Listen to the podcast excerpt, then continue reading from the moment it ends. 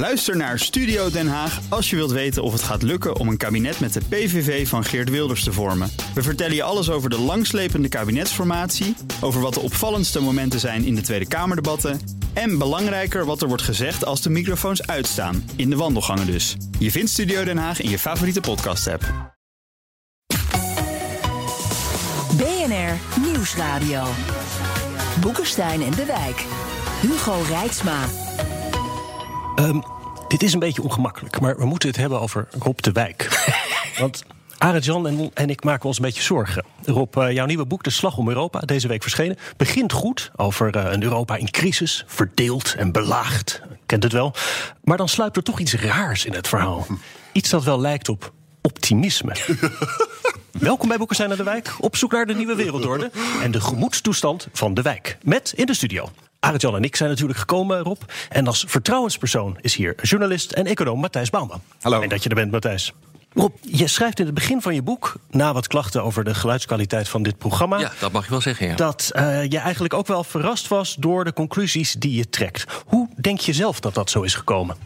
Nou, als je alles op een rijtje gaat zetten en je kijkt naar wat er in Europa gebeurt, en bijvoorbeeld binnen de Europese Unie eh, gebeurt, en je ontdoet het van al het gekakeel, al het gedoe, alle ruzies. En je kijkt uiteindelijk wat eruit komt. En je zet al die uitkomsten op een rij. En je kijkt dan vervolgens hoe uh, Xi van, uh, van China, Poetin van Rusland, maar ook Trump en Boris Johnson eigenlijk niks voor elkaar krijgen in Europa. Dat is, dan leidt dat tot conclusies die je zelf niet verwacht had. Want je bent geneigd om naar al dat gedoe te kijken. Eh, kijk nou eens naar dat gekkenhuis genaamd de Tweede Kamer op dit ogenblik.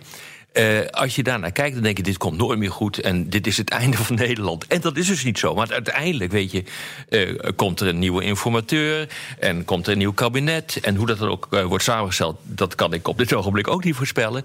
Maar daar, als je daar gewoon naar kijkt en je gooit even al dat gedoe aan de kant, dan kom je tot heel andere conclusies. Ja. En daar ben ik. Kijk het is een democratisch proces. Waarbij, laten we zeggen, 27 landen ruzie aan het maken zijn om tot iets te komen. Uiteindelijk kom je tot iets. En daar lopen de leiders die ik net noemde, die lopen daar stuk op. Ja, het FD had in een recensie over uh, toegang tot de Europese markt als wapen in de wereldpolitiek. Matthijs, kan je economie op die manier als wapen door de wereld uh, laten zwieren? Uh, ja, zeker. Ja, niet, niet met het ouderwetse sanctiemechanisme. Dat leg je ook heel goed ja, uit. Dat, dat werkt eigenlijk nooit. Overigens mag ik even zeggen dat ik het een heel leuk boek vond. Oh, en niet, niet om te slijmen, maar ik heb echt van genoten. Het is heel goed geschreven. Het is verrassend. Ik heb heel veel van geleerd iets, weer iets minder naïef geworden. ook, want dat verwijt krijgen wij economen natuurlijk altijd. Maar inderdaad, economische kracht en niet zozeer, uh, uh, ik zou niet zeggen per se markttoegang, maar toegang tot de Europese consument. Ja, die natuurlijk gewoon heel rijk is gemiddeld. En, uh, en ook heel. Zijn er een hoop van. Ja, ook heel interessant is. Want die is bereid om gewoon spullen te kopen uit andere landen. En is niet op dat gebied nee. helemaal niet zo nationalistisch of, of kleinzielig. Uh, dat, is, uh, dat is niet een, ik zou het niet zeggen een wapen, maar wel een kracht. Dus uh, vanuit daar, en dat is he heel interessant hoe je dat neerzet erop. is, ja, dat, dat, is, dat is waarmee wij de boer op kunnen. En wat kunnen terugvragen. En kunnen zeggen, nou ja, je moet ook naar ons luisteren. Want en zolang het duurt, hè? Want ik ben benieuwd het in de, in de volgende eeuw nog steeds de meest interessante markt zijn. Maar dat zijn we nu wel. Dus dit is een beetje onze window of opportunity. Uh, die nu, dat, wat, dat we nu hebben, als we daar tenminste. En dat, dat is, die naïviteit ben ik kwijt. Als we daar dan gebruik van durven te maken. Nou, Arjan, we zitten hier elke week met, uh, met Rob. Dan heb je toch ineens een heel ander verhaal. Hè? Je hebt het boek ook voor je liggen. En hij boren op de wijk hebben we dat. nou, ik, moet je, ik moet je zeggen dat ik het ook een heel aardig boek vind. Maar ik moet ook de, de luisteraar even informeren dat uh, Rob nu een pistool tegen mijn slaap laat zien. Dus het komt er niet helemaal Maar wat ik me wel afvraag is dit. Kijk, de, de these is heel leuk. Hè? Hij zegt eigenlijk van, we gaan misschien wel de Europese eeuw in, hè? de 21ste eeuw. Dat is een these die Bergman ook gedaan heeft. En ook ja. andere eerder. Tien jaar geleden waren er ook mensen die dat zeiden. En het is ook waar dat, dat wat Rob zegt. Dat, dat als je kijkt dus naar Brexit. Dat is nou niet bepaald een groot succes geworden. En het is zeker zo dat die regelmacht van Europa. Daar hebben we het heel vaak hier over gehad. Dat dat werkelijk heel invloedrijk is. Maar ik heb wel een paar kanttekeningen. En ik hoop dat Rob er toestaat. Nou, nee. en het eerste is dus dat een, uh, is het voldoende om een regelgemeenschap te zijn, uh, om ook echt de Europese eeuw te krijgen. In de geschiedenis zijn er niet zoveel voorbeelden van hegemonen die alleen maar regelmacht hadden. Je hebt er ook militaire macht voor nodig. Rob zegt ook van hij wil ook op, dit, op dat gebied wil die stappen zetten. Uh, verder, het is natuurlijk ook zo. Eigenlijk wordt het pas de Europese eeuw als dus die regelmacht moet blijven bestaan. Die moet worden uitgebouwd. Maar de euro moet verduurzaamd worden. Ja. En dus in die schuldenproblematiek moet worden opgelost. En als dat niet gebeurt, en trouwens ook de problemen met Oost-Europa en met de normen en waarden, al die dingen moeten we dan wel echt oplossen.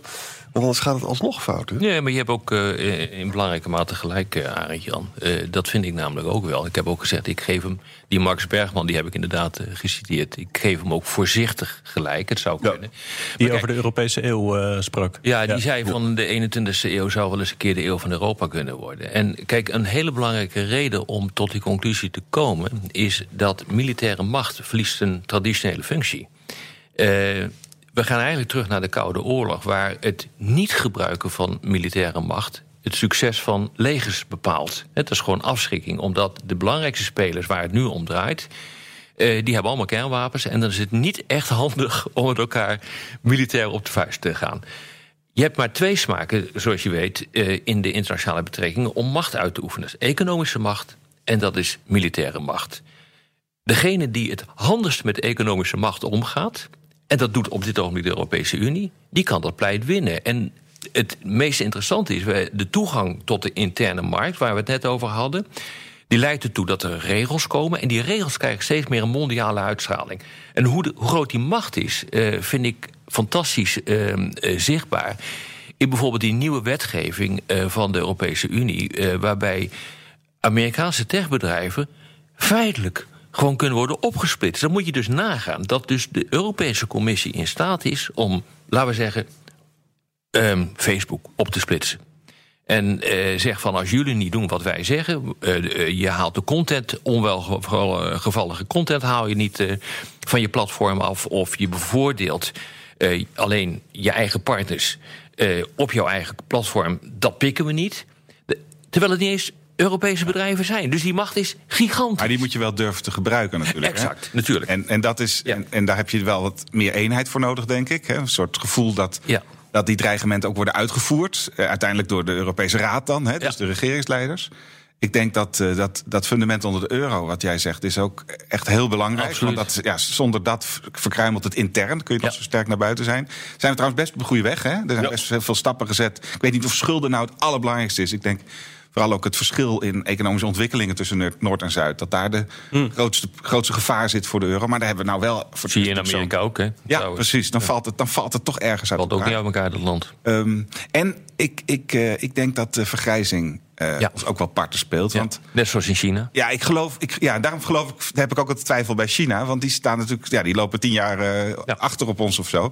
Maar ik, het zou ook voor het eerst zijn dat er een een land uh, of een gebied heel belangrijk wordt in de wereld terwijl het vergrijst. En terwijl het ja. ja eigenlijk uit allemaal chagrijnige ja, oude zeurpieten bestaat. Ja, daar komt het dan wel op neer. Kunnen we nog even verder naar het punt van die euro kijken? Want Rob, jij schrijft daar ook over, de, de macht van de dollar natuurlijk. Mm -hmm. En hoe volgens mij ook zo'n zo ontzettend optimisme de euro een wereldmunt zou kunnen worden. Uh, Matthijs, is de euro al zo goed gestut dat hij verder kan groeien nou naar zo'n belangrijke rol in de wereld? Nou, dat, het blijkt steeds van niet. Hè. In, in, eerste instantie was, uh, heeft, heeft de ECB en zo hebben ook continu gezegd... wij willen geen wereldmunt worden. Hè. Dat was in het begin continu het praatje, want ze waren bang om de Amerikanen tegen de borst uh, te maar stoten. nu wel? Nu langzamerhand willen ze het wel. Maar sinds de eurocrisis zie je dat het gebruik van de euro in internationale transacties eigenlijk niet meer is uh, gestegen. Eerder is gedaald ten faveur van de, de, dollar weer. Dus dan moet er wel weer echt iets gebeuren. En ja, Amerika maakt het ons wel makkelijk natuurlijk. Met continu sancties via het bankensysteem.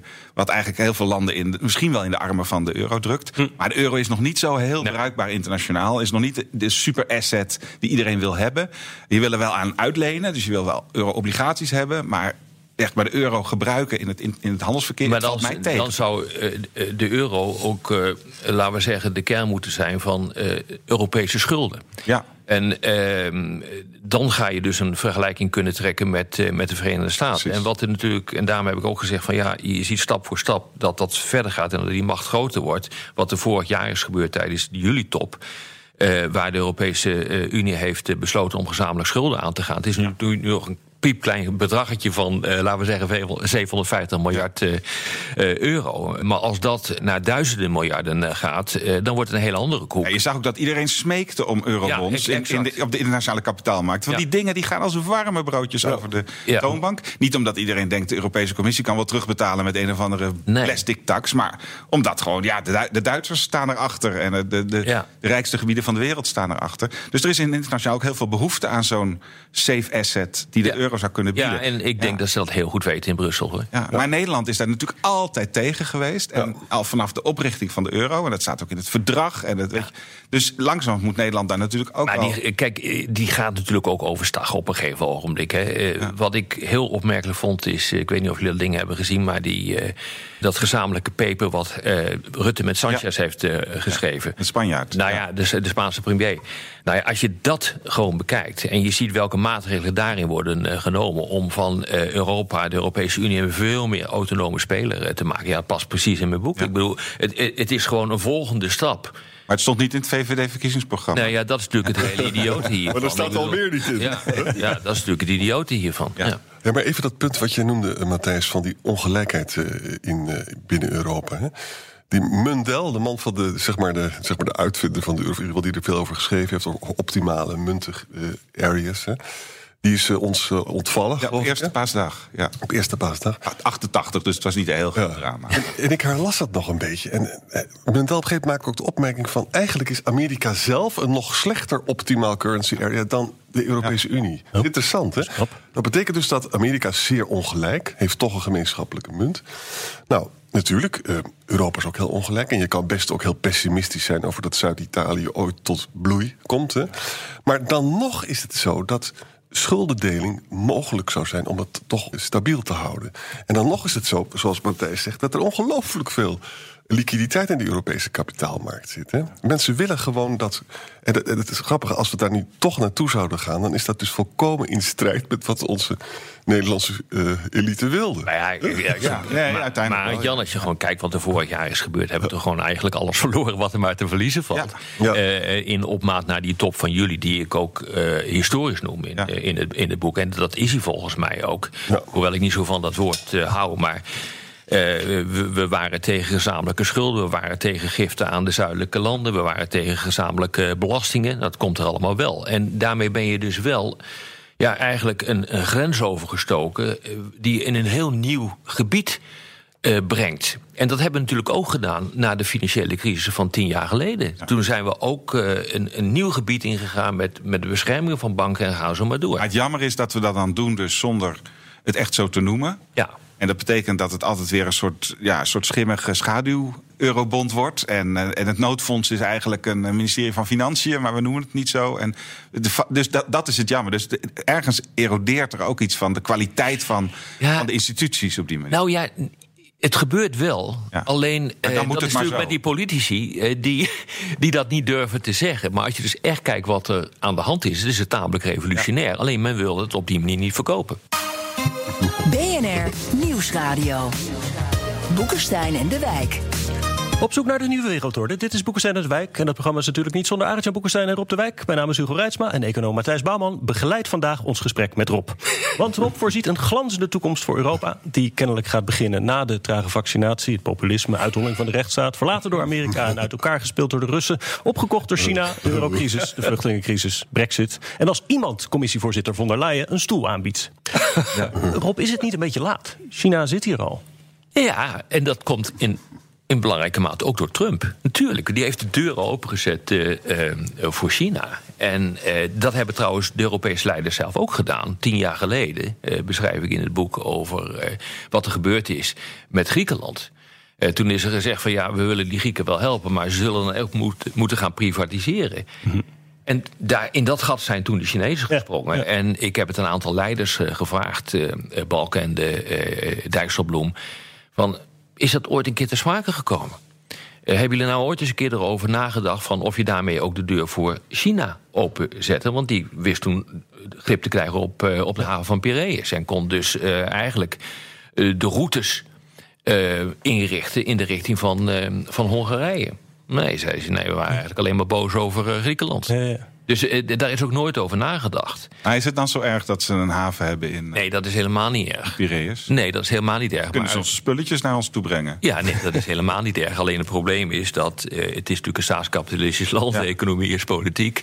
Het, men probeert dat natuurlijk ook te vertalen in politieke invloed. En dat, dat lukt. Ik bedoel, kijk naar wat er gebeurt op dit ogenblik in Servië. Ja. Eh, eh, dat land dat neigt enorm naar, eh, eh, eh, naar China toe. Maar ook Hongarije eh, is een prachtig voorbeeld eh, van, een, van een land dat ook op opportunistische redenen eh, naar China aan het kijken is en zegt van nou, ik heb toch een alternatief voor Brussel. Ja, maar er is ook wat teleurstelling in Oost-Europa. Nou, dat mag je wel zeggen, want ik heb China. op een rij gezet wat er echt gelukt is. Nou, dat is niet zoveel. Nee. En ook het, de hoeveelheid importen vanuit China en Europa heen, nou, dat is een paar procent. Ja. Het wordt echt enorm overdreven. Ik was daar ook wel verbaasd over. Eh, natuurlijk is die politieke invloed aanzienlijk. Maar, voor- maar het wordt vooral gebruikt door opportunistische politici om meer. Bewegingsvrijheid te krijgen rond eh, ten opzichte van Brussel. Maar voor de rest eh, ja, gebeurt er veel meer dan ja, je denkt. Ja, het is een beetje zoals supermarkten. Als die helemaal alleen maar aanmerken hebben, dan willen ze graag Ja. ook nog een B-merk. Want dan kunnen ze minstens het aanmerken een beetje onder druk zetten. Ja. En zo heeft Hongarije wil gewoon een, een, een iets buiten Brussel. Ja. Zodat ze altijd kunnen zeggen van nou, dan gaan we naar hen Italianen ook. Ja. Daarom zijn ze lid geworden van toch? Road Initiatief. Nou, tot nu toe is dat niks geworden. Nee. Eh, Maar, maar Rob, een Ja. vraag. Hè, van, jouw these is eigenlijk die regelgemeenschap. Hè, dat, en dat, is- Ja. dat, is ook, dat vind ik ook heel interessant van het boek. En dat is ook waar. Dat is heel belangrijk. Hè. Nou, als het om die regelgemeenschap gaat... eh, en, en een gemeenschappelijke markt... dan is het prima als de Chinezen hier ook producten verkopen... als ze zich maar aan onze standaarden ja, houden. klopt. Hè. Ja. Maar nou, maar nou een vraag waar ik aan zat te denken gisteravond... toen ik het nog eens een beetje zat te lezen. Van, Oké, het gaat dus om een regelgemeenschap en een gemeenschappelijke markt. De Chinezen hebben zelf 1,4 miljard consumenten. En ze hebben een, hebben een geweldige gemeenschappelijke markt. Ze zijn ook bezig om dat groter te maken. Ja. Nou, op basis van het getal zou je kunnen voorspellen... dat zij natuurlijk ook heel goed begrijpen... dat zij standaarden moeten gaan zetten. Ze ook. En als dan ook nog eens even Schumpeter om de hoek komt kijken, creatieve destructie. En ze hebben een aantal technologische doorbraken die wij gewoon niet hebben. Klopt. Hè? G5, G6 verhaal. Nou, dan wordt eh, China de belangrijkste man. eh, maar dat, dat, die kans is er ook. En daarom eindig ik het boek ook met een aantal ideeën... wat je dan wel zou moeten doen. Je moet keihard inzetten, Europees breed op innovatie. Je moet een Europees Ja. eh, industriebeleid gaan voeren. Of je, het- of je het wil of niet. Je moet naar, en ik bedoel dat dat ooit nog eens een keer uit mijn mond zou komen... eh, naar een zekere vorm van protectionisme gaan. Het is toch te gek voor woorden dat je dus de deur volledig openzet voor, voor Huawei en ZTE, die ons 5, later 6G-netwerk zouden mogen aanleggen. Terwijl je de belangrijkste spelers in de wereld ook hier hebt zitten, Nokia en Ericsson. Matthijs? Dat ben is vreemd. Ja, Ben je ik- ook ik- voor ik- protectionisme? Nee, nee, nee, zeker niet. Dat, eh, dat, dat mag de volgende generatie uitspreken. Dat ga ik niet meer uit mijn, uit mijn bek krijgen. Nou ja, ik, ik had ook gedacht dat Ik- me ik- dat ja, pro- lukken. Het, het ding is, heet, zijn- heet ook al gauw protectionisme omdat je iets aan de grens doet. Hè? En, Ja. en, en economen zijn helemaal niet voor eh, dat grenzen wo- altijd worden opgeheven. Zeker niet als het gaat om standaarden, ook niet als het gaat om nieuwe industrieën opbouwen. Hè? Dus bijvoorbeeld als wij iets willen doen in de batterijsector, nou, dan lopen we mijlenver achter op Amerika en, en China. Nou, dan, dan mag je best zeggen van nou, dan gaan wij. Hè, Ook een beetje een Zelf- staatsgeleide economie. Nee, eh, ga, je mag dan best, als infant industry argument is dat, Oh. mag je best zeggen, we gaan, het, we gaan ze even helpen aan die schaalvoordelen, voordat ze mee kunnen doen. Ehm, hetzelfde geldt voor innovatiebeleid. Eh, je kunt natuurlijk heel goed start-ups helpen. Je kunt eh, technologie helpen. Je kunt de overdracht van universiteiten naar bedrijven helpen. Het vervelende is in Nederland, als we het hebben over industriebeleid... dan proberen we altijd Siemens te redden. Of eh, de, de staalbedrijven in, eh, in, eh, in, in Frankrijk.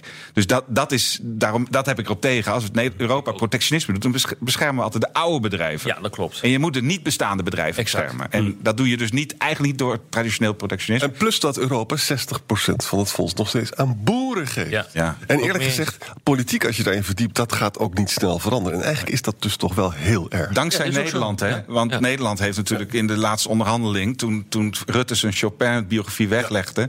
heeft Nederland gezegd van oké, het mag alleen maar, dat noodfonds... als we bezuinigen. En dat, die bezuiniging is op klimaatbeleid en op innovatie gegaan. Ja. Nou ja, eh, dat, dat, eh, ongelooflijk dat wij daarmee hebben ingestemd. Overigens, die bedragen in Europa zijn zo gering... De, de, de, begroting van Europa is zo klein ten opzichte van de staatsbegrotingen. Die mag best wat aan de boeren geven. En dan heb je nog genoeg geld over in Europa om ook dat andere nog te doen. Ja. Dus het is niet of-of per se. Nou ja, zo'n Green Deal zou ook wel een mogelijkheid bieden om, eh, Ja. om een transitie eh, in, eh, in te zetten. Nee, maar ik bedoel, Arend-Jan, eh, je hebt gelijk. Dat is, dat is inderdaad een reëel eh, gevaar dat dat gaat gebeuren en dat op die manier China toch wint. En eh, ik heb ook nog een keer hier in dit boek gezegd: van kijk, degene die de vierde industriële revolutie wint, dat is nu de datarevolutie met Internet of Things, vijf later 6G, robotisering. Ja, die bepaalt de wereldorde. maar dat wil nog niet zeggen dat, dat Europa daarmee totaal insignificant wordt.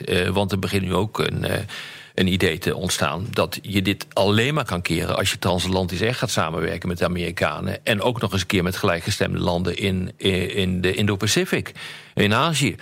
En als je dat gaat doen, als je dat gaat doen, en dat betekent dus ook dat we onze weerzin uh, moeten verlaten voor handelsakkoorden, want daarmee kan je de boel aan elkaar uh, Dat is zo erg het Nederlandse parlement. Ik hoop dat jullie luisteren weer, want dit is gewoon met, met Canada dat je, dat je geen verdrag met Canada. Ja. ja. dat is toch wel gewoon. Ja, dat, gelukkig valt het woord chloorkip in je boek één keer, want dat moet genoemd worden. Uh, je ziet het nou nu bij de Britten ook weer dat dezelfde argumenten weer gebruikt worden, maar dat wij, dat wij het handelsakkoord met de Amerikanen zo makkelijk oh zo blij waren eigenlijk dat Trump kwam en daar een streep door zette. Is idioot dat is idioot. En hetzelfde geldt wat Trump deed natuurlijk met, de, met de Pacific-landen. Uh, maar inderdaad, maar weet je, bij de weet VS. Je, maar daar komt gewoon wel een keerpunt. Ik bedoel, iedereen uh, die. Ik bedoel, dit is nou ook niet zo geniaal wat ik allemaal op heb geschreven. Ik bedoel, dat, uiteindelijk ziet iedereen dat wel, denk ik. En dan gaat er ook een een politiek momentum krijgen. Dus de, dat, hier, de, de wal keert het schip hier. Maar nog, nog één ding dan. Ja. Je kunt ook zeggen, want uiteindelijk hebben we natuurlijk heel veel gehad aan de opkomst van China. Dat is gewoon twintig jaar lang welvaartsgroei dankzij goedkope spullen uit China. En daardoor hoeven wij niet onze economie meer zo te vervuilen. Ja. Kunnen we onze lonen omhoog. Nou, allemaal best wel veel uh, voordelen. Dat moeten we ook behouden. Tuurlijk. Dus het, oh ja, maar je moet ook gewoon lekker blijven samenwerken met China. Wat je alleen niet wil, is dat je een soort windgewest wordt... en politiek onder de knoet ja. komt van, eh, van Beijing. Dat is gewoon wat je niet wil. En dat is het leuke van Rob's boek, hè? dit passage over Australië. Dat leek me goed voor Thierry Baudet om het ook nog eens te bekijken. Hè? Australië heeft dus grote problemen met China. Ja. Schrijf je heel mooi. En Australië heeft eigenlijk een, een grotere samenwerking nodig om China van zich af te houden. Ja, die hebben ze niet. En dat zouden wij kunnen aanbieden. Nou ja, er is een Trans-Pacific Partnership. Ja.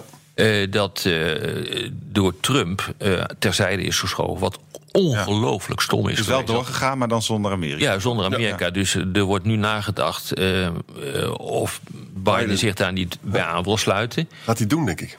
Kan de EU daarbij? Dat klopt niet helemaal met Pacific, maar uh, het ja, zou, nog het zou wel kunnen. Maar ik, ik, beschrijf ook in dat, uh, dat boek uh, een, een, escapade in, in Indonesië. Ik was bij een bijeenkomst waar onder andere ook met Australië werd gesproken over dit soort samenwerkingen. Maar ik, ik kreeg het gevoel van uh, dat die Aziaten zeiden van... Uh, ja, leuk dat je er bent, maar wat kom je hier in godsnaam doen? Oude kolonisatoren. Ja. dat uh, dus dat was, er is ook wel veel ressentiment hoor... in dat deel van, van de wereld ten opzichte van Europa. Maar uiteindelijk, weet je... in de internationale betrekkingen gaat het om macht... gaat het om het, het opbouwen van machtsblokken... ervoor te zorgen dat een land dat dominant dreigt te worden niet zijn vleugels kan uitslaan. Nou, dat gaat hier gewoon ook En Japan daarin? Want Japan nou ja, is de, was vroeger de machtsfactor daar. Ja, exact. Maar nu niet meer. Nee. Het, het is een van de machtsfactoren. En dus zul je zien dat een aantal landen... die gaan nu gewoon met elkaar uh, samenwerken. En die vormen een blok tegen... Uh, uh, tegen China. De grote vraag is wat India gaat doen. Ja. Maar je kunt het gewoon wel uittekenen hoor, wat er gaat gebeuren. Geruststellend vind ik dat waar Matthijs hier wijst op de voordelen van handel, hoe dat ook gewoon voor ieder kan, kan helpen. Dat Rob het toch framed in termen van macht. En dan komen we toch weer een beetje terug bij het oude herkenbare verhaal. Strijd om de macht. Het gaat om, om, macht in internationale betrekkingen, toch? Dat gaat erom. Dan kunnen we daarmee afronden, althans op de radio. In de podcast gaan we door met luisteraarsvragen. Luistert u op de radio, dan verwijs ik naar Apple Podcasts, Spotify of boekensteinendewijk.nl. Uh, Sam Zarian vraagt: De EU is afhankelijk van essentiële handelsstromen uit dezelfde landen die ze wenst te beteugelen. Zou de EU er daarom goed aan doen om de strategische autonomie te versterken, alvorens de bal te kaatsen? Antwoord is ja. Maar de vraag is: wat, is wat jij uh, strategische autonomie is, dus dat je dat je feitelijk een aantal dingen in Europa zelf gaat doen.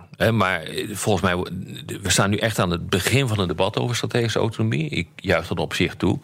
Uh, die discussie is in een stroomversnelling gekregen door corona. Maar dingen zelf maken bedoel je? Ja, dus dan uh, beginnen mensen direct te roepen mondkapje. Ja. Nou ja, als je dat dan niet kan, weet je, dan... Paracetamol. Ja, uh, ja nee, nee, nee, maar je moet bepaalde industrieën gewoon wel hebben in, in Europa. En dat is minder moeilijk dan je denkt, omdat op dit ogenblik er gewoon ook industrieën worden uitgeplaatst uit China naar andere delen van Hoe de moet het wereld. dan met, met energie? Omdat-? Je schrijft China gewoon te duur over wordt. Rusland in je boek. En als we afhankelijk blijven van Nou ja, Rusland voor energie. energietransitie, ja. aan energietransitie zou inderdaad daartoe kunnen bijdragen om minder afhankelijk te worden van dat soort eh, landen. Maar dat is wel lastig hoor.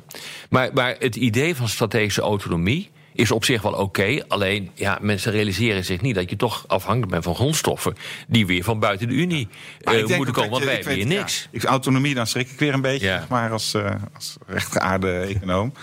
Ik, ik denk dat wat we moeten leren van die problemen met corona en, en, en eh, ja, ook de afhankelijkheid van China, dat je, dat je juist mondialer moet denken. Dat je Ja, dat vind ik eh, ook. In, in, in, van Portugal tot Marokko tot Latijns-Amerika ook je toeleveranties moet doen. Absoluut. Ook al zijn die per ongeluk dan tijdelijk een beetje duurder. En Ja. het wordt vooral de truc om.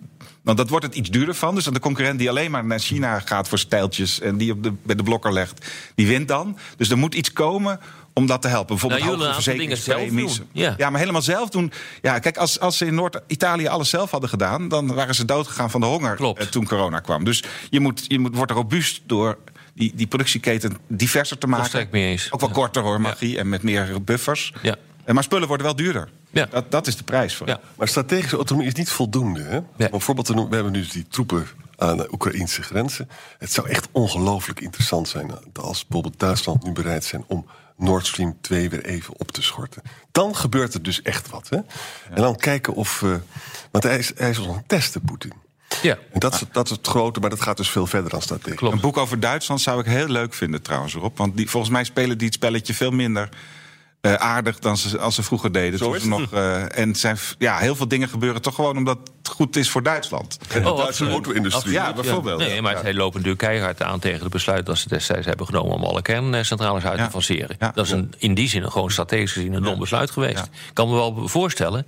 Eh, maar daarmee zit je dus nu met het probleem met Nord Stream 2 en dan nog grotere gasafhankelijkheid van. Eh, van Rusland, dat vergroot wordt door het probleem wat we in Groningen hebben. Nog even over die vraag, want hij vraagt natuurlijk van eh, die afhankelijkheid in handelstromen bedoelt hij. Ja, die, die werkt natuurlijk altijd twee kanten op. Hè? Want als je een fabriek bouwt om voor Europa te gaan eh, produceren. Dan, dan is het ook heel onvoordelig als je geen spullen meer verkoopt aan. Europa. Ja. Dus Ja. dat is het mooie, vind ik, van handel. Dat, dat is aan, aan twee zijden. eh, Eh, exact, maar dat wordt vaak vergeten. Die, dat zie je dus nu ook in de landbouwsector. Hè. Daar wordt dat ook vergeten. Van, nee, we willen geen een akkoord met Mercosur, dus met Zuid-Amerika. Want dan komen de goedkope producten ons land in. Ja, maar je hebt ook eh, producten nodig uit die landen. Eh, ik noem maar wat, soja bijvoorbeeld, is essentieel hier voor veevoeder. Die, ja, dan heb je daar dus ook een probleem mee. Dus er wordt... Er wordt ook wel heel beperkt gedacht hoor, over dit soort eh, dingen. En ook heel simpel gedacht van als we het maar afsluiten, dan gebeurt het niet. Ja, en dat is natuurlijk niet zo. Interdependentie vereist Ja. samenwerking. Ja. Jonathan Provoost vraagt over de, de macht van toegang tot eh, de Europese markt. Hoe zit dat met de digitale economie? Toegang voor aanbieders van digitale diensten is veel minder makkelijk te reguleren. Maar heeft op sommige vlakken meer politieke impact dan de maakindustrie. De Digital Markets Act en Services Act gaan maar tot op zekere hoogte EU-techwaarden kunnen eisen. Kunnen we de digitale economie net zo goed als een wapen inzetten? De Great European Firewall gaan we dan bouwen. Oh ja, dat Dan lijkt me we. Dan kunnen we ze dat is wel een probleem, denk Ja. ik. ik. Zeker. Matthijs, want... ehm, Laten we beginnen met Het de is een- het digitale belasting. Hè? Dat Ja. lijkt me het eerste wat je kan doen. Er wordt ontzettend veel geld verdiend door de grote vijf. ja, die moet je dan wel inderdaad eh, eh, door Brussel laten opleggen. Nou, ja, we hebben ziet- natuurlijk met onze privacywetgeving best al. Hè, De regels hebben we al best. Ja, bepaal- en- wij bepalen de Ja, en, en, in ja, de wereld. en ten tweede, die, waar jij het over had, die mededingingswetgeving. over, het- over of bedrijven te groot moeten zijn. Vroeger deed Amerika dat. Ja, en nu Nu, is Europa daar, dat blijkt uit onderzoek. Wij, wij regelen, wel te slecht nog, maar wij regelen dat bedrijven niet te groot worden. Maar ik denk, dit gaat veel meer over dat je via internet natuurlijk allemaal dingen kunt doen die niet langs een loket gaan. En Hm. dat, is een, dat is het probleem van internet, zeker. En de Chinezen lossen dat op een hele brute manier op. En dat gaan wij niet zo oplossen. Dus Maar- ik denk maar- dat, dat, dat, dat dat blijft een probleem. Dat, maar daar gaan we wel wat tegen doen. Daar ben ik ook van overtuigd. Ja? Eh, ja, ook standaarden veel stringenter eh, controleren. Dus dat eh, via Alibaba niet alles, en, alles maar kan gaan importeren. Maar dat is ook zo, dat mag ook helemaal niet. Dat is belachelijk. Ja, dan moet je het controleren. Ja, maar die, die, dan koop je een stekkertje via Alibaba en dan ontploft je stopcontact. Ik weet niet of dat zo is, hè, maar dat kan je je voorstellen, omdat er geen Op staat. Of dat. Ja. staat wel op de. Het mag formeel betekent niet. Nee, Het staat dan China-export, geloof ik. En, en het gebeurt. En het is een soort, een soort, eh, ja, een soort eh coffeeshop-beleid of zo, wat daar gevoerd wordt door heel Europa. En ik, Dat gaat niet zo goed veranderen gaat Ja. echt veranderen. Daar ben ik van overtuigd dat je dus ook veel stringenter die regels gaat opleggen. Wat dat betreft is natuurlijk ook gewoon heel interessant. Wat er gebeurd is met het investeringspact dat eind vorig jaar is eh, gesloten tussen de Europese Unie en China. Daar wordt eh, China gewoon gedwongen om zich aan de Europese regels te houden, niet andersom. Eh, dus je, eh, nou, nou, dat heeft wel denk ik hele grote consequenties ook voor dit soort import op termijn. Ja, dat is eigenlijk een heel goed pact, hè? maar dat gaat natuurlijk in Europa ook weer voor allerlei onderbuikproblemen zorgen, toch? Eh, ja, omdat het eh, in de media ook eh, verkocht is. Niet, dat ligt niet aan de media, maar de wijze waarop ook de politiek dat verkocht heeft als een handelspact. En dat is het niet. nee. Het is absoluut geen handelspact. Het is een opmaat voor een handelspact. En Europa moet eigenlijk de heer op zijn blote knieën danken dat dat pact er is gekomen. Omdat je daarmee dwingt, eh, daarmee China dwingt om zich aan de regels te houden. Maar we moeten ook samen met de Amerikanen optrekken. Ja, ja, ja, zeker. Chris Poppen vraagt nog of de Carbon Border Adjustment Mechanism ook nog een machtsmiddel eh, is voor Europa. Kan, kan Europa via die macht van de interne markt ook wereldwijd Nou ja, klimaatbeleid afdwingen? Ja, dit is, het is noodzakelijk, eh, denk ik. Daar ben ik de afgelopen jaren van overtuigd geraakt. Als wij streng milieubeleid willen voeren of klimaatbeleid willen voeren, prijzen we een beetje onze industrie uit de markt. En dat betekent, nou, dan niet dat we moeten subsidiëren als we de wereldmarkt op willen, wat Shell geloof ik tegenwoordig wil, maar wel dat we moeten eh, belasten als er spullen komen Ja. eh, die, die uit landen komen die, die geen klimaatbeleid voeren. Amerika willen dat eigenlijk ook wel. Biden eh, had dat in zijn plannen staan. Biden wil dat. Maar Biden, ja, zijn kabinet stribbelt nu volgens mij heel erg tegen juist. Ja. Maar daar, dat, dat, wordt, dat leek mij het grote succes van Europese Amerikaanse samenwerking als eerste. Maar ik heb het blijkbaar wij fout gaan dat gehad. samen doen met de Beginnen met, met die, met die grensbelasting. En het, economen zijn hier ook helemaal niet op tegen. Het is helemaal niet tegen het grote verbod op, op protectionisme. Want het valt Hm. gewoon goed uit te leggen. Ja. Het maakt het, het soort van leveling playing field. Je moet alleen voorkomen dat eh, opportunisten het weer gaan gebruiken om andere doelen na te streven. En stiekem de, de Europese staalindustrie in de benen te houden of zoiets. En we hebben ook een minimum corporate tax nodig. Wat, eh, wat mevrouw. Yellen. wil. Ja, ja, dat is heel bijzonder. Financial Times, die, die, eh, die hoorde ik vanochtend in de podcast. Die zeiden, de Nederlanders zijn er onder andere op tegen. De Ieren en de Nederlanders. Ik denk dat de Nederlanders daar niet echt op Oh, tegen nee. zijn. Eh veilbrief zeker niet. Hè, Maar je moet het ook gewoon Europees Ja. doen, uh, Arend-Jan. Want eh, je ziet nu wat er gebeurt. Hè? Dus een land als Spanje, maar ook VK hebben een digitax ingesteld Ja. voor die Amerikaanse techbedrijven. Wat Italië. gebeurt er? Biden doet precies hetzelfde als eh, Trump. Die zegt van ja, maar dit pik ik niet. Dus eh, Spaanse schoenen komen er niet meer in. Ja. In Amerika. Die eh, zijn feitelijk gewoon sancties. Als Brussel dat zou opleggen, dan een heel ander verhaal. Dan kan dan Biden ho hoog of laag springen, maar dan komt het. Dan hebben sancties gewoon die, geen, die, geen zin. Ja, die digitax was natuurlijk een soort Frans idee. Wat Ja. meteen in het, in het hoekje. Bij ons, hè, bij Nederlanders in het hoekje zat van... oh shit, heb je die Fransen weer, die willen weer het hele bedrijfsleven dat is belasten. een goed idee hoor. Maar het was eigenlijk een goed idee. Maar ze hebben het niet helemaal goed eh, gebracht. Eh, maar dat zou Nee, maar Europa Trump die zei van, eh zullen we dat maar even niet doen, jongens? Eh, zei hij tegen Macron. En toen zei Macron, oh sorry, nee, dan krijg ik sancties, dus doe het maar even niet. Ja. En Spanje heeft het nu wel gedaan. Maar Nederland was altijd tegen. Ja. Het, het, het kabinet is nu aan het draaien, maar ik moet nog zien hoe het allemaal komt. Ja, maar als er een mondiale of eh, transatlantische belasting komt... waarbij je een deel van de winstbelasting mag heffen op basis van de sales in een, in een land... want dat is volgens mij wat jij Ja. voorstelt. Simpel as that, hè? Dan krijg je gewoon allemaal een portie van de winstbelasting... omdat er in jouw land een bepaalde hoeveelheid omzet is eh, bereikt. Nou, dan kan Starbucks meteen in alle landen belasting gaan betalen... want ja, dat is duidelijk waar de koffie wordt verkocht... Ja. en de winst die, die, die, Ja. die de moeder maakt. Ik vond het eigenlijk een heel, eh, heel Ja, dat gaat gewoon gebeuren. Hoor. Dat, eh, dat is bijna onvermijdelijk dat dit gaat gebeuren. Er zijn iedere keer stapjes een bepaalde richting op. Bartolomeus vraagt: Is de EU op lange termijn in staat om het machtige wapen van toegang tot de interne markt ook te behouden? Of maakt China een nieuwe, misschien wel grotere, opkomende markt langs de Belt and Road en in de andere landen waar ze grote investeringen doen? Ja, dat kan dus. hè. Dat, dat, dat noemde ik. Dat, dat kan. Ja, maar realiseer, dat, dat is absoluut waar, Jan. Eh, maar realiseer dat het, het, er enorm wordt teruggeduwd op dit ogenblik. En eh, China is ook zijn hand aan het overspelen. Eh, met wat ze aan het doen zijn door gebruik te maken van die vermeende zwakte van het Westen en die coronacrisis. En daardoor maar grip te krijgen op de Zuid-Chinese zee, eh, de, de Oeigoeren verder te onderdrukken. Nou, een hele serie van dat soort eh, dingen, koopjesjacht in Europa. Taiwan. Eh, dat is echt een, eh, een, een groot probleem aan het worden. Waardoor eh, ook in Europa nu een idee is ontstaan van ja, maar die Chinezen die moeten we niet. En dat hebben de Chinezen zelf ook eh, gezien. Want eh, op een gegeven moment is er een geheim stuk uitgelekt van de, de Communistische Partij. Dat heb ik volgens mij ook beschreven in het boek, waarin er wordt gezegd van als wij zo doorgaan, eh, dan kan daardoor wel eens een keer de bodem onder het hele Belt en Rood initiatief wegvallen, de nieuwe zijderoutes. Nou, dat gebeurt ook. En je ziet dus een enorme pushback op dit ogenblik eh, ontstaan tegen alles wat, eh, wat Chinees is. Dus ze hebben zichzelf ook geen dienst bewezen met dit eh, beleid. En vooral in combinatie met al die, die, die propaganda en fake news die vanuit Beijing, Beijing komt. Geldt ook voor Rusland trouwens. Precies hetzelfde. Gewoon, ze krijgen niks voor elkaar. Ook omdat de bevolking zegt van ja, maar dit willen we niet. Maar Rob, dit is heel erg waar. Ik heb dat ook zitten lezen. Maar dat betekent het voor China natuurlijk heel ernstig. Dat hele Obor-verhaal was natuurlijk fantastisch. Hè? We, we waren ook allemaal bang voor. Stel je voor dat dit echt... Obor? One One, Belt, Belt, One Road. Oh, ja, oké. Nee, oké. Ze hebben de O eraf gehaald. voor, ja. nou Belt and Road. Belt eh, goed zo, goed zo. Dat vond- vonden we allemaal fantastisch. En nu eh, lekt dat rapport uit dat er toch grote problemen zijn. Dat betekent natuurlijk wel dat China dan veel eh, zenuwachtiger wordt en agressiever. Hè? Want dan moeten natuurlijk wel successen komen. Ja, maar er is één probleem voor China. Ze houden niet van bondgenootschappen. Ja, daar houden ze niet van. Eh, dat is echt een punt. Willen die Chinezen echt wat doen, dan moeten ze zien een blok te vormen. Dat, en dat doen ze niet. Nou is China zo groot dat het blok op zich is. Maar dat, dat doen ze niet. Daar zit echt een probleem in. Nee, ze hebben wel een probleem hoor, die Chinezen op dit ogenblik. Bas van der Laan eh, zegt zonnepanelen, satellietinternet en digitale munten. Drie technologieën die geen goed functionerende overheid vereisen. Nieuwe kansen voor Afrika, zou ik zeggen. Is het tijd voor een nieuwe Afrika-strategie? Ja, eh, dat is een goed punt. Eh, Je ziet dus nu al dat eh, Chinese bedrijven eh, aan het uitplaatsen zijn naar Afrika. Omdat China te duur is. De loonkosten zijn gewoon te hoog. En dat, eh, dat is ook niet best hoor, voor, eh, voor China.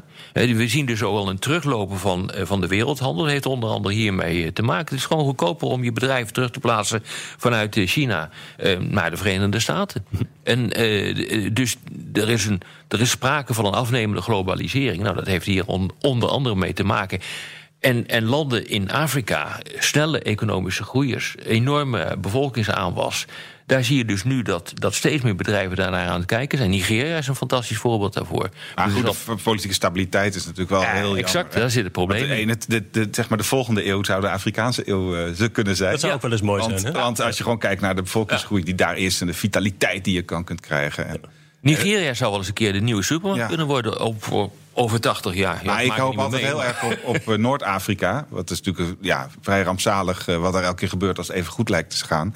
Maar als je nou bedenkt dat, dat wij straks worden wij een, een pensionado-continent hier. We willen heel veel spullen, maar willen zelf niet meer werken. Ja. Nou ja, dan moet je natuurlijk een soort spiegelbeeld vinden. Een gebied in de buurt waar ze juist veel willen werken, Mhm. jong zijn en eh, geld willen verdienen. Nou, dat is Noord-Afrika. Ja. En er zijn heel veel in- initiatieven ook. Hè, Barcelona-processen, dat geloof ik. Ja. Om, om handel met Noord-Afrika te krijgen. En vooral investeringsverdragen. Want je moet je spullen natuurlijk wel weer gratis eruit krijgen. Maar ja, dan gebeurt er weer iets. In Tunesië of in Libië. Of, en dan denk ik Zonder weer van, sterke laat instituties ook gaat maar. het niet. Hè? Zonder Ja. sterke... Je moet Maar dan moeten we toch wel een beetje, een beetje neocoloniaal misschien durven te zijn. Zoals de Italianen en de Fransen het wel durven, of, eh, of niet? Gaat niet lukken. Oké. Nee, het gaat ook niet. Slecht lukken. idee Maar- zeker. Nee, maar uiteindelijk weet je, ook, ook dat, je ziet gewoon die lijn daarin eh, zitten. Het is niet voor niks dat die landen zo economisch zo hard groeien. Dus er er gebeurt ook iets wat wel redelijk goed is. Het is niet alleen maar eh kloten, om het maar even zo te zeggen. Eh, dus eh, nee, maar wat ik zeg, het zou best kunnen zijn dat je nu eh, dat, dat, dat China nu de supermacht wordt en dat dat op een gegeven moment eh, verschuift naar Nigeria. En de Ja. supermacht heeft ongeveer een levensduur van pakweg 80 jaar. Zo. Net zoals de Nederlandse Gouden Eeuw. Dat Nee, duurt volgens- ook 80 maar jaar. volgens mij hadden we net besloten, wij deze eeuw, Ja. Afrika de volgende. Toch? Ja, dat vind ik eigenlijk ook wel hoor. Ik bedoel, laten we nou precies. ervoor zorgen dat dit onze eeuw wordt. Daarmee was dit weer Boekestein in de Wijk. Namens Arend-Jan Boekestein en Rob de Wijk zeg ik dank voor het luisteren. Speciale dank aan Matthijs Bouwman. En tot volgende week.